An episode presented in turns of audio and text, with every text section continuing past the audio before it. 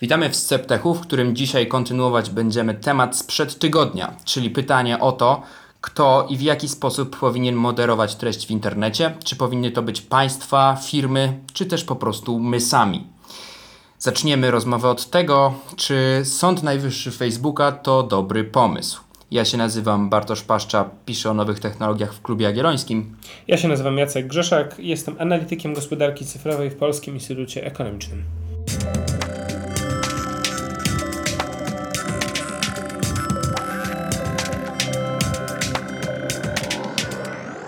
No więc tak, Bartku, mówiłeś w poprzedniej części naszej rozmowy um, o tym, e, jak powinno wyglądać um, to sądzenie, w cudzysłowie, treści w internecie, decydowanie o tym, e, co powinno się dziać z tą treścią. Mówiłeś o idei takich sądów 24-godzinnych, o takiej oczywiście dosyć abstrakcyjnej idei. Zaraz będziemy mówić o różnych e, ograniczeniach, które utrudniają stworzenie czegoś takiego.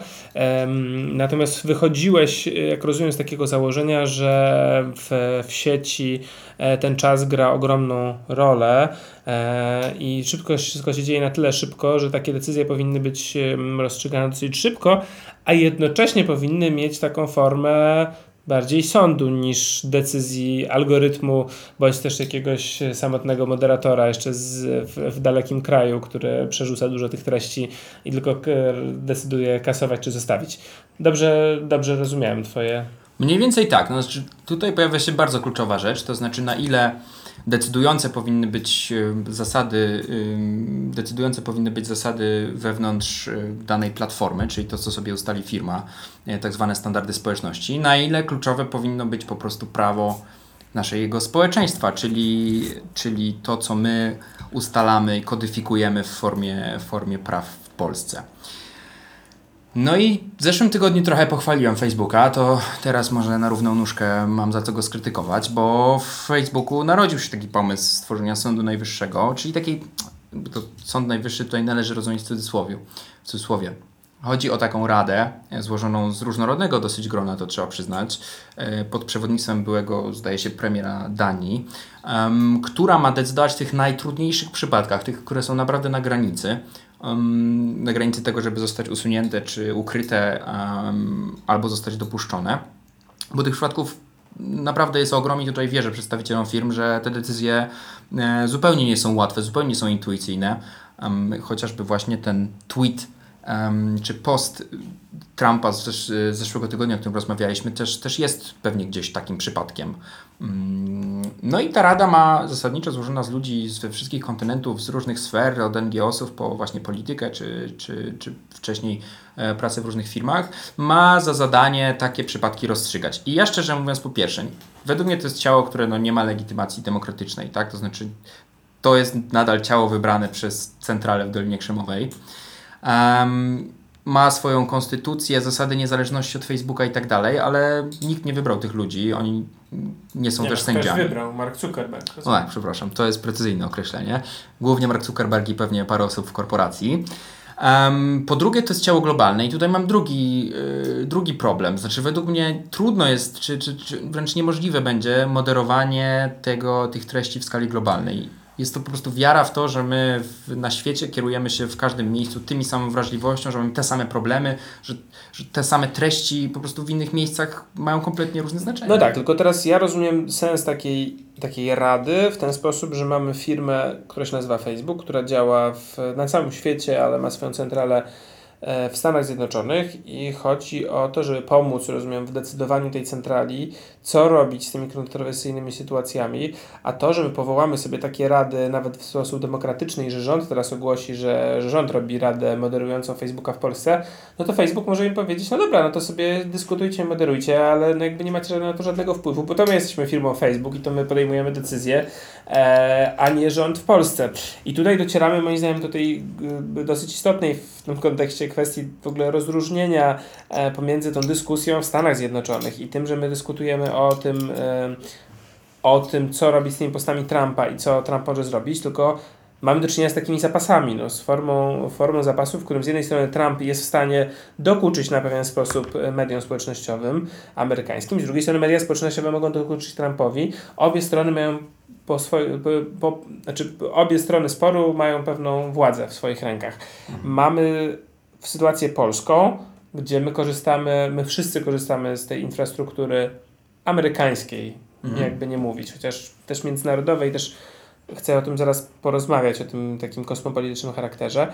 E, I mamy już różne sytuacje takie kontrowersyjne w Polsce, gdzie tak jak mówiłeś w, w, w tej poprzedniej części naszej rozmowy, że i z jednej i z drugiej strony sporu, takiego w cudzysłowie sporu, no nie wiem, takiego podziału ideologicznego, bo, bo, bo tak jak mówiliśmy o tym, nie tylko narodowcy mają problem z Facebookiem, ale też na przykład inicjatywa, społeczna inicjatywa narkopolityki, która szerzy inf informacje o tym, jak bezpieczny sposób zażywać narkotyki, co budzi duże kontrowersje i opór, ponieważ uznaje się, że w ten sposób promuje narkotyki, a z kolei ta społeczna inicjatywa odpowiada, że ona stara się ratować życie i zdrowie tych osób, które tak czy siak te narkotyki biorą. I to jest taki spór, który jest, się toczy w Polsce, ale on ostatecznie jest rozstrzygany jednym kliknięciem przez, przez, przez takiego Facebooka. E, bo z punktu widzenia Facebooka rzeczywiście jesteśmy daleko położonym krajem Małym, relatywnie małym rynkiem. relatywnie. Tak, a i tak jesteśmy znacznie, znacznie Tak. większym rynkiem niż mniejsze państwa europejskie. Pomyślmy sobie też z tej perspektywy. Jesteśmy jednym z największych państw europejskich. Mamy dużo takich historii. Mamy historię na przykład słynną w mm, kazania arcybiskupa Marka Jędraszewskiego w zeszłym roku, gdzie zostało zdjęte jego kazanie za wypowiedź o tęczowej zarazie, która wzbudziła ogromną kontrowersję w kraju. No ale znowu, y, y, było to kazanie, jakby nie mówić, wy- wysokiego hierarchy wygłoszone w w katedrze i pochwalone potem przez, przez władze państwowe, które nagle ktoś jednym kliknięciem usuwa, a potem po protestach społecznych przywraca jednym kliknięciem. I w sumie nie wiadomo, czy ono będzie, nie będzie, kto o tym zadecydował, dlaczego. No ale niestety my mamy tutaj położenie mm, dosyć, dosyć, dosyć de- odległe od tej, od tej centralnej. E, Tak, dosyć pe- pe- pe- peryferyjne, pe- pe- odległe od tej centrali e, takiego Facebooka czy, czy, czy Google'a. I teraz właśnie twoje pytanie moje do Ciebie, Bartku, jest takie, jak Ty sobie wyobrażasz przeniesienie tego, nie wiem, zarządzania, to może za dużo powiedziane, ale jakby w ogóle decydowania o tym, y, jak toczymy ten spór w internecie na poziom lokalny. Czyli to jest w ogóle możliwe do zrobienia w sytuacji tak dużej dominacji, czy my musimy stworzyć polskiego Facebooka i odciąć dostęp do Facebooka amerykańskiego? Jak Ty to sobie wyobrażasz? No myślę, że już pogrzebmy na zawsze tę ideę tworzenia lokalnych Facebooków. Może to też jest temat na jakiś inny odcinek, ale to jest po prostu misja skażona na, na porażkę. Em, I zamknijmy to. Więc pytanie, jak, rozumiem, pytanie brzmi, jak zmusić takie globalne firmy do, do uczestniczenia w pewnym lokalnym, czy to dyskursie, czy brania pod uwagę lokalnej wrażliwości, czy um, jakiegoś tam Nie no, pytania się o zdanie e, opiniotwórczych osób w danym społeczeństwie e, o zdanie na temat tych treści, tak? No tak, więc pierwszy argument jest taki, że to się zaczęło już w ogóle dziać. Em, oczywiście niekoniecznie jakoś bardzo wyraźnie w Polsce, ale w przypadku nie podejmowania samych decyzji, ale odwołań od nich. Bo jeśli sobie spojrzymy na to, co się wydarzyło we Francji, to tam eksperymentalnie Facebook wszedł w taki program, w którym jakby decyzja, nie, znaczy obywatel, którego post zostaje usunięty, czy konto zostaje zbanowane, może się odwołać i tą decyzję o odwołaniu podejmuje nie tyle sam Facebook, tylko tak naprawdę urzędnik państwowy. Nadal nie sędzia, e, więc to też nie jest jakiś super idealny model, ale zasadniczo ta decyzja nie jest, y, znaczy trafia gdzieś poza Facebooka. Jest ktoś, kto y, z jakiejś pewnej instytucji, kto powinien się na ten temat wypowiedzieć. I to jest bardzo ważny e, punkt. No my w Polsce niestety nie mamy takiego systemu. To, co nam się udało wywalczyć w naszych bojach z Facebookiem e, dwa lata temu, to była tak naprawdę skrzynka odwoławcza, na którą możemy odpisać, że Ale w jaki sposób Facebook się zgodził na to we Francji? Bo ja też nie czytałem o tej historii. Jestem ciekaw, e, to No wiesz, myślę, że Facebook, no jakby to jest też to, o czym mówiliśmy w zeszłym tygodniu. Facebook poszukuje trochę wyjścia z sytuacji, bo to nie jest w ich interesie, żeby te decyzje podejmować. Znaczy, dla nich to jest właściwie koszt za każdym razem. Em, koszt wizerunkowy, koszt tego, że jedna albo druga strona jest na nich zła i się o nich wypowiada i kasuje konta, chociaż pewnie je przywraca po dwóch tygodniach. No tak, ale też z drugiej strony możemy sobie wyobrazić, i tutaj chcę dotrzeć do. To może powiem moją myśl i, i, i- potem, potem wrócimy do tego i, i zadam Ci pytanie, bo mo- moja myśl, wracając do tej sprawy Trumpa, jest taka, że mm, no nie wiem, ja jestem takim fanem e, takiej geopolitycznej tezy e, głoszonej przez, przez, przez, przez różnych politologów i, i, i filozofów o tym, że mamy do czynienia w tym momencie z takim tworzeniem się najbardziej istotnego globalnego podziału w, i też globalnego i lokalnego w różnych krajach, podziału politycznego na globalistów i lokalistów, czyli z jednej strony środowiska i to trochę zasła, zamienia ten dawny podział na prawicę i lewicę, który widzimy, że on już no, nie, za, nie za dużo opisuje, nie za bardzo działa, jak chodzi o obudzenie jakichś realnych yy, yy, mocnych nastrojów społecznych, o tak powiem, e, które potem stoją za emocjami wyborczymi, że mamy z jednej strony kandydatów, którzy bardziej reprezentują taką opcję światową, międzynarodową, e, opcję współpracy międzynarodowej e, i takiego wspólnego postępu, z też takiego optymistycznego założenia, że my idziemy w dobrą stronę, tylko nas tutaj niektórzy chcą zawracać wstecz do złych dawnych czasów, i że się czai wszędzie faszyzm, ale jednocześnie no, my tutaj razem zbudujemy lepszy świat i, i, i to reprezentują politycy reprezentujący e, to reprezentują politycy się zaplątałem. To reprezentują osoby z dużych miast, wy dobrze wykształcone, z tych największych uniwersytetów. E, zwolennicy takich polityków właśnie się rekrutują z tych, z tych połączonych mocno ze sobą obecnie przez różne połączenia lotnicze, infrastrukturalne, naukowe i tak dalej, największych miast świata. A z drugiej strony mamy taką w cudzysłowie wkurzony lud, mhm. pozostawiony na, w miejscu mniejszych miejscowościach, taki, takich ludzi, którzy... No, którzy globalizm za swój niedostatek. Znaczy... Tak, a jednocześnie są rzeczywiście ofiarami y, zwiększających się nierówności społecznych, tak. czy to w Stanach Zjednoczonych, czy w różnych państwach Zachodu e, i też utraty roli Zachodu na świecie, przenoszenia produkcji poza państwa mhm. europejskie mhm. i poza Amerykę, automatyzacji, która też eliminuje prostsze zawody. No i tych ludzi, którzy rzeczywiście czują, że coś tu, coś tu nie gra i szukają na to odpowiedzi i wybierają ostatecznie chociażby Trumpa. E, I teraz wracając, jakby czemu, mhm. czemu ten wstęp, e, czy, czy, czemu ta moja przedługa teoria była istotna w kontekście Facebooka, że moja obserwacja jest taka, że chociażby pracownicy Facebooka, albo też innych dużych mediów społecznościowych, dużych korporacji, gdzie są wysokie stawki, gdzie się dużo zarabia, to są to osoby zdecydowanie z tej pierwszej frakcji, czyli osoby, które pokończyły globaliści. najlepsze, globaliści, najlepsze uniwersytety na świecie, mhm. które pochodzą raczej z zamożnych środowisk, które osiągają jakiś sukces, które widzą, y, widzą benefity tego globalnego świata, że one się podróżują, studiują tu, tam, y, mają takie globalne perspektywy y, i one są przerażone rozkwitem takich polityków jak Trump w ostatnich latach i, i dlatego to budzi takie emocje wśród pracowników Facebooka, bo o tym nie mówiliśmy, ale, ale ten cała dyskusja w Facebooku o tym, co zrobić z tymi postami, co Twitter zasłonił, a Facebook nie zasłonił, ona się brała też z tego, z presji pracowników, że pracownicy mówią, no tak być nie może, no, że promujemy, że nasz portal, który my tworzymy, promuje, promuje przemoc, tak? Promuje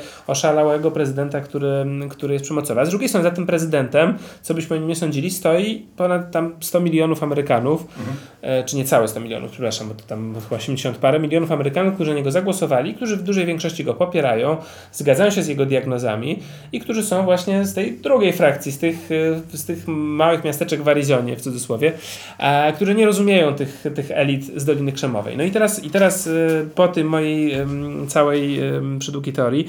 E, pytanie, co, co, co, co, dalej? No bo mamy z jednej strony e, e, właśnie no, demokratycznie wybranych polityków, którzy dla tych pracowników Facebooka są nieakceptowalni, ale to za nimi stoi ta demokratyczna legitymacja.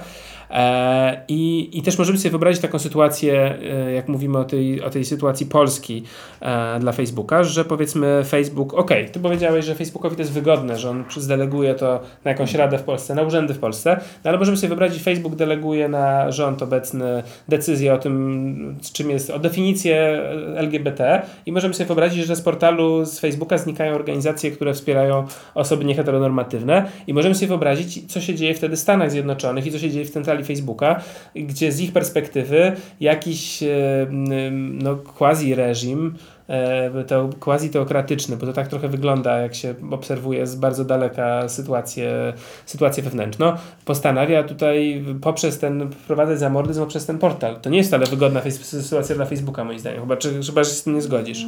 No tak, ale wydaje mi się, że promocja LGBT dzisiaj jakkolwiek mam masz na ten temat pogląd, w sensie ktokolwiek również ze słuchaczy, to nie, łamie żadnego aktualnie obowiązującego w Polsce prawa, więc oczywiście tutaj jakiekolwiek takie decyzje, jest duże ryzyko stania się cenzorem i rozumiem, że w zależności od poglądów politycznych ta granica, kiedyś zaczyna się cenzura, też leży w innym miejscu.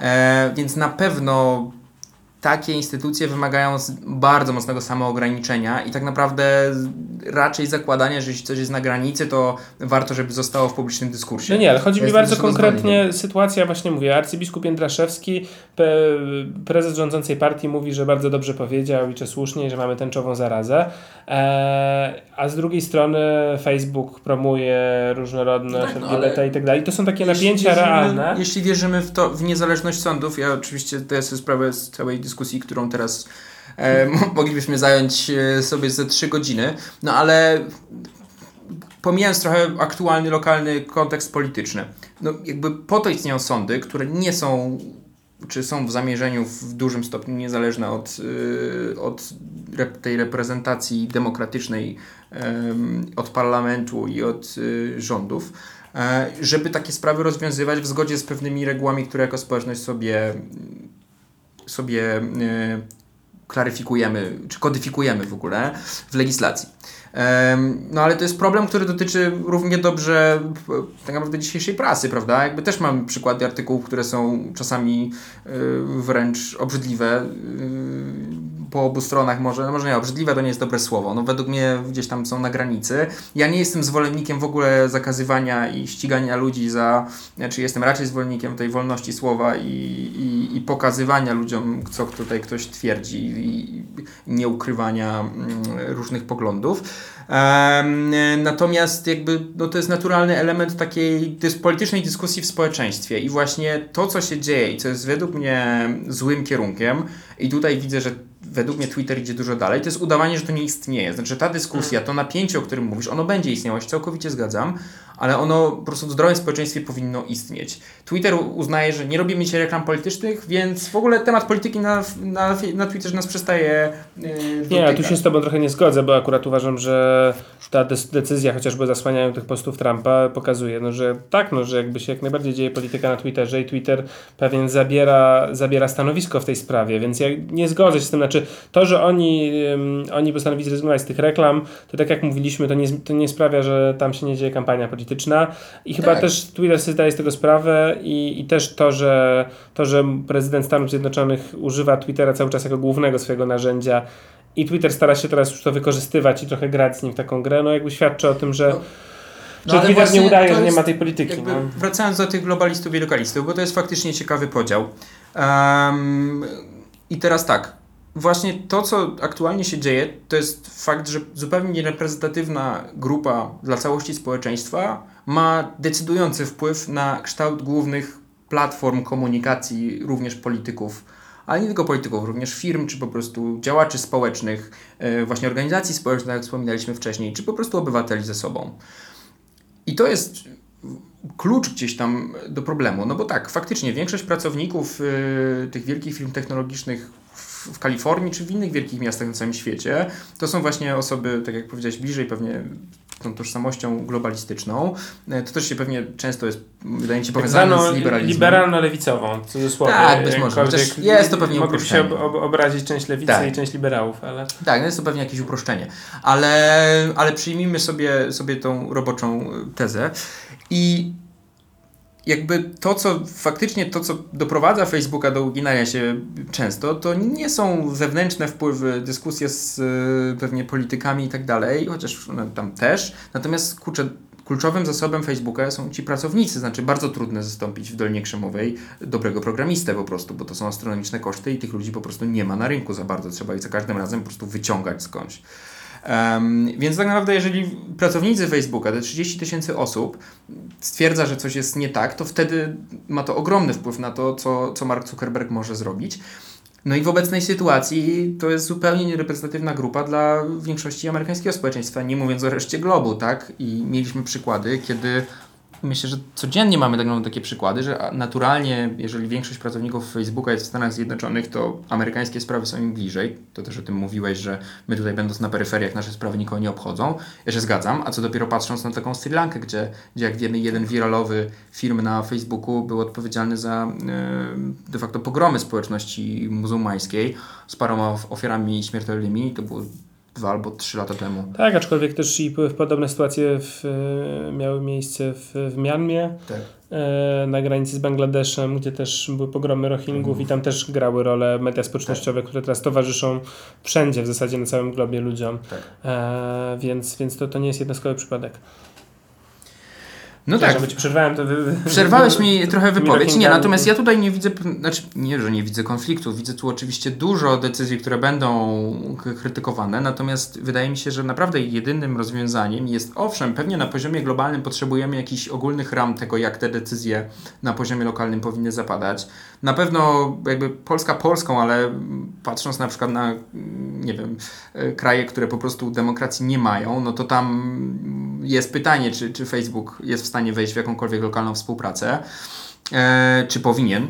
To jest dużo Nie, no i to jest pytanie, gdzie jest znowu granica demokracji, Ale... bo są ludzie, którzy na świecie, którzy powiedzą, że w Polsce już teraz nie ma demokracji, tak a są ludzie, którzy powiedzą, że na Białorusi jest zwykła demokracja i jakby to też ktokolwiek się bardziej zna na ustrojach politycznych wie, że nie ma jasnego podziału na dyktaturę definicji. i demokrację tak. i też jest jakby jedna rzecz to jest taka nawet y, jaka jest de definicja, a druga rzecz jest też taka, że no, kto powinien decydować, no bo no, kto ma większą władzę do decydowania o jakimś społeczeństwie, czy lokalne satrapa, który rządzi przy jakiejś akceptacji powiedzmy dużej części społeczeństwa, czy zewnętrzna rada. Znaczy to, jest, to są wszystko kosmicznie nie, trudne. Nie, nie, wchodźmy w to. Nie Według mnie kluczowe jest to, że tak. spróbujmy uzdrowić sytuację przynajmniej w tych przypadku tego wąskiego grona uprzywilejowanych e, pod tym kątem e, krajów Zachodu, czyli powiedzmy, że Unia Europejska, ograniczmy się na razie do tego.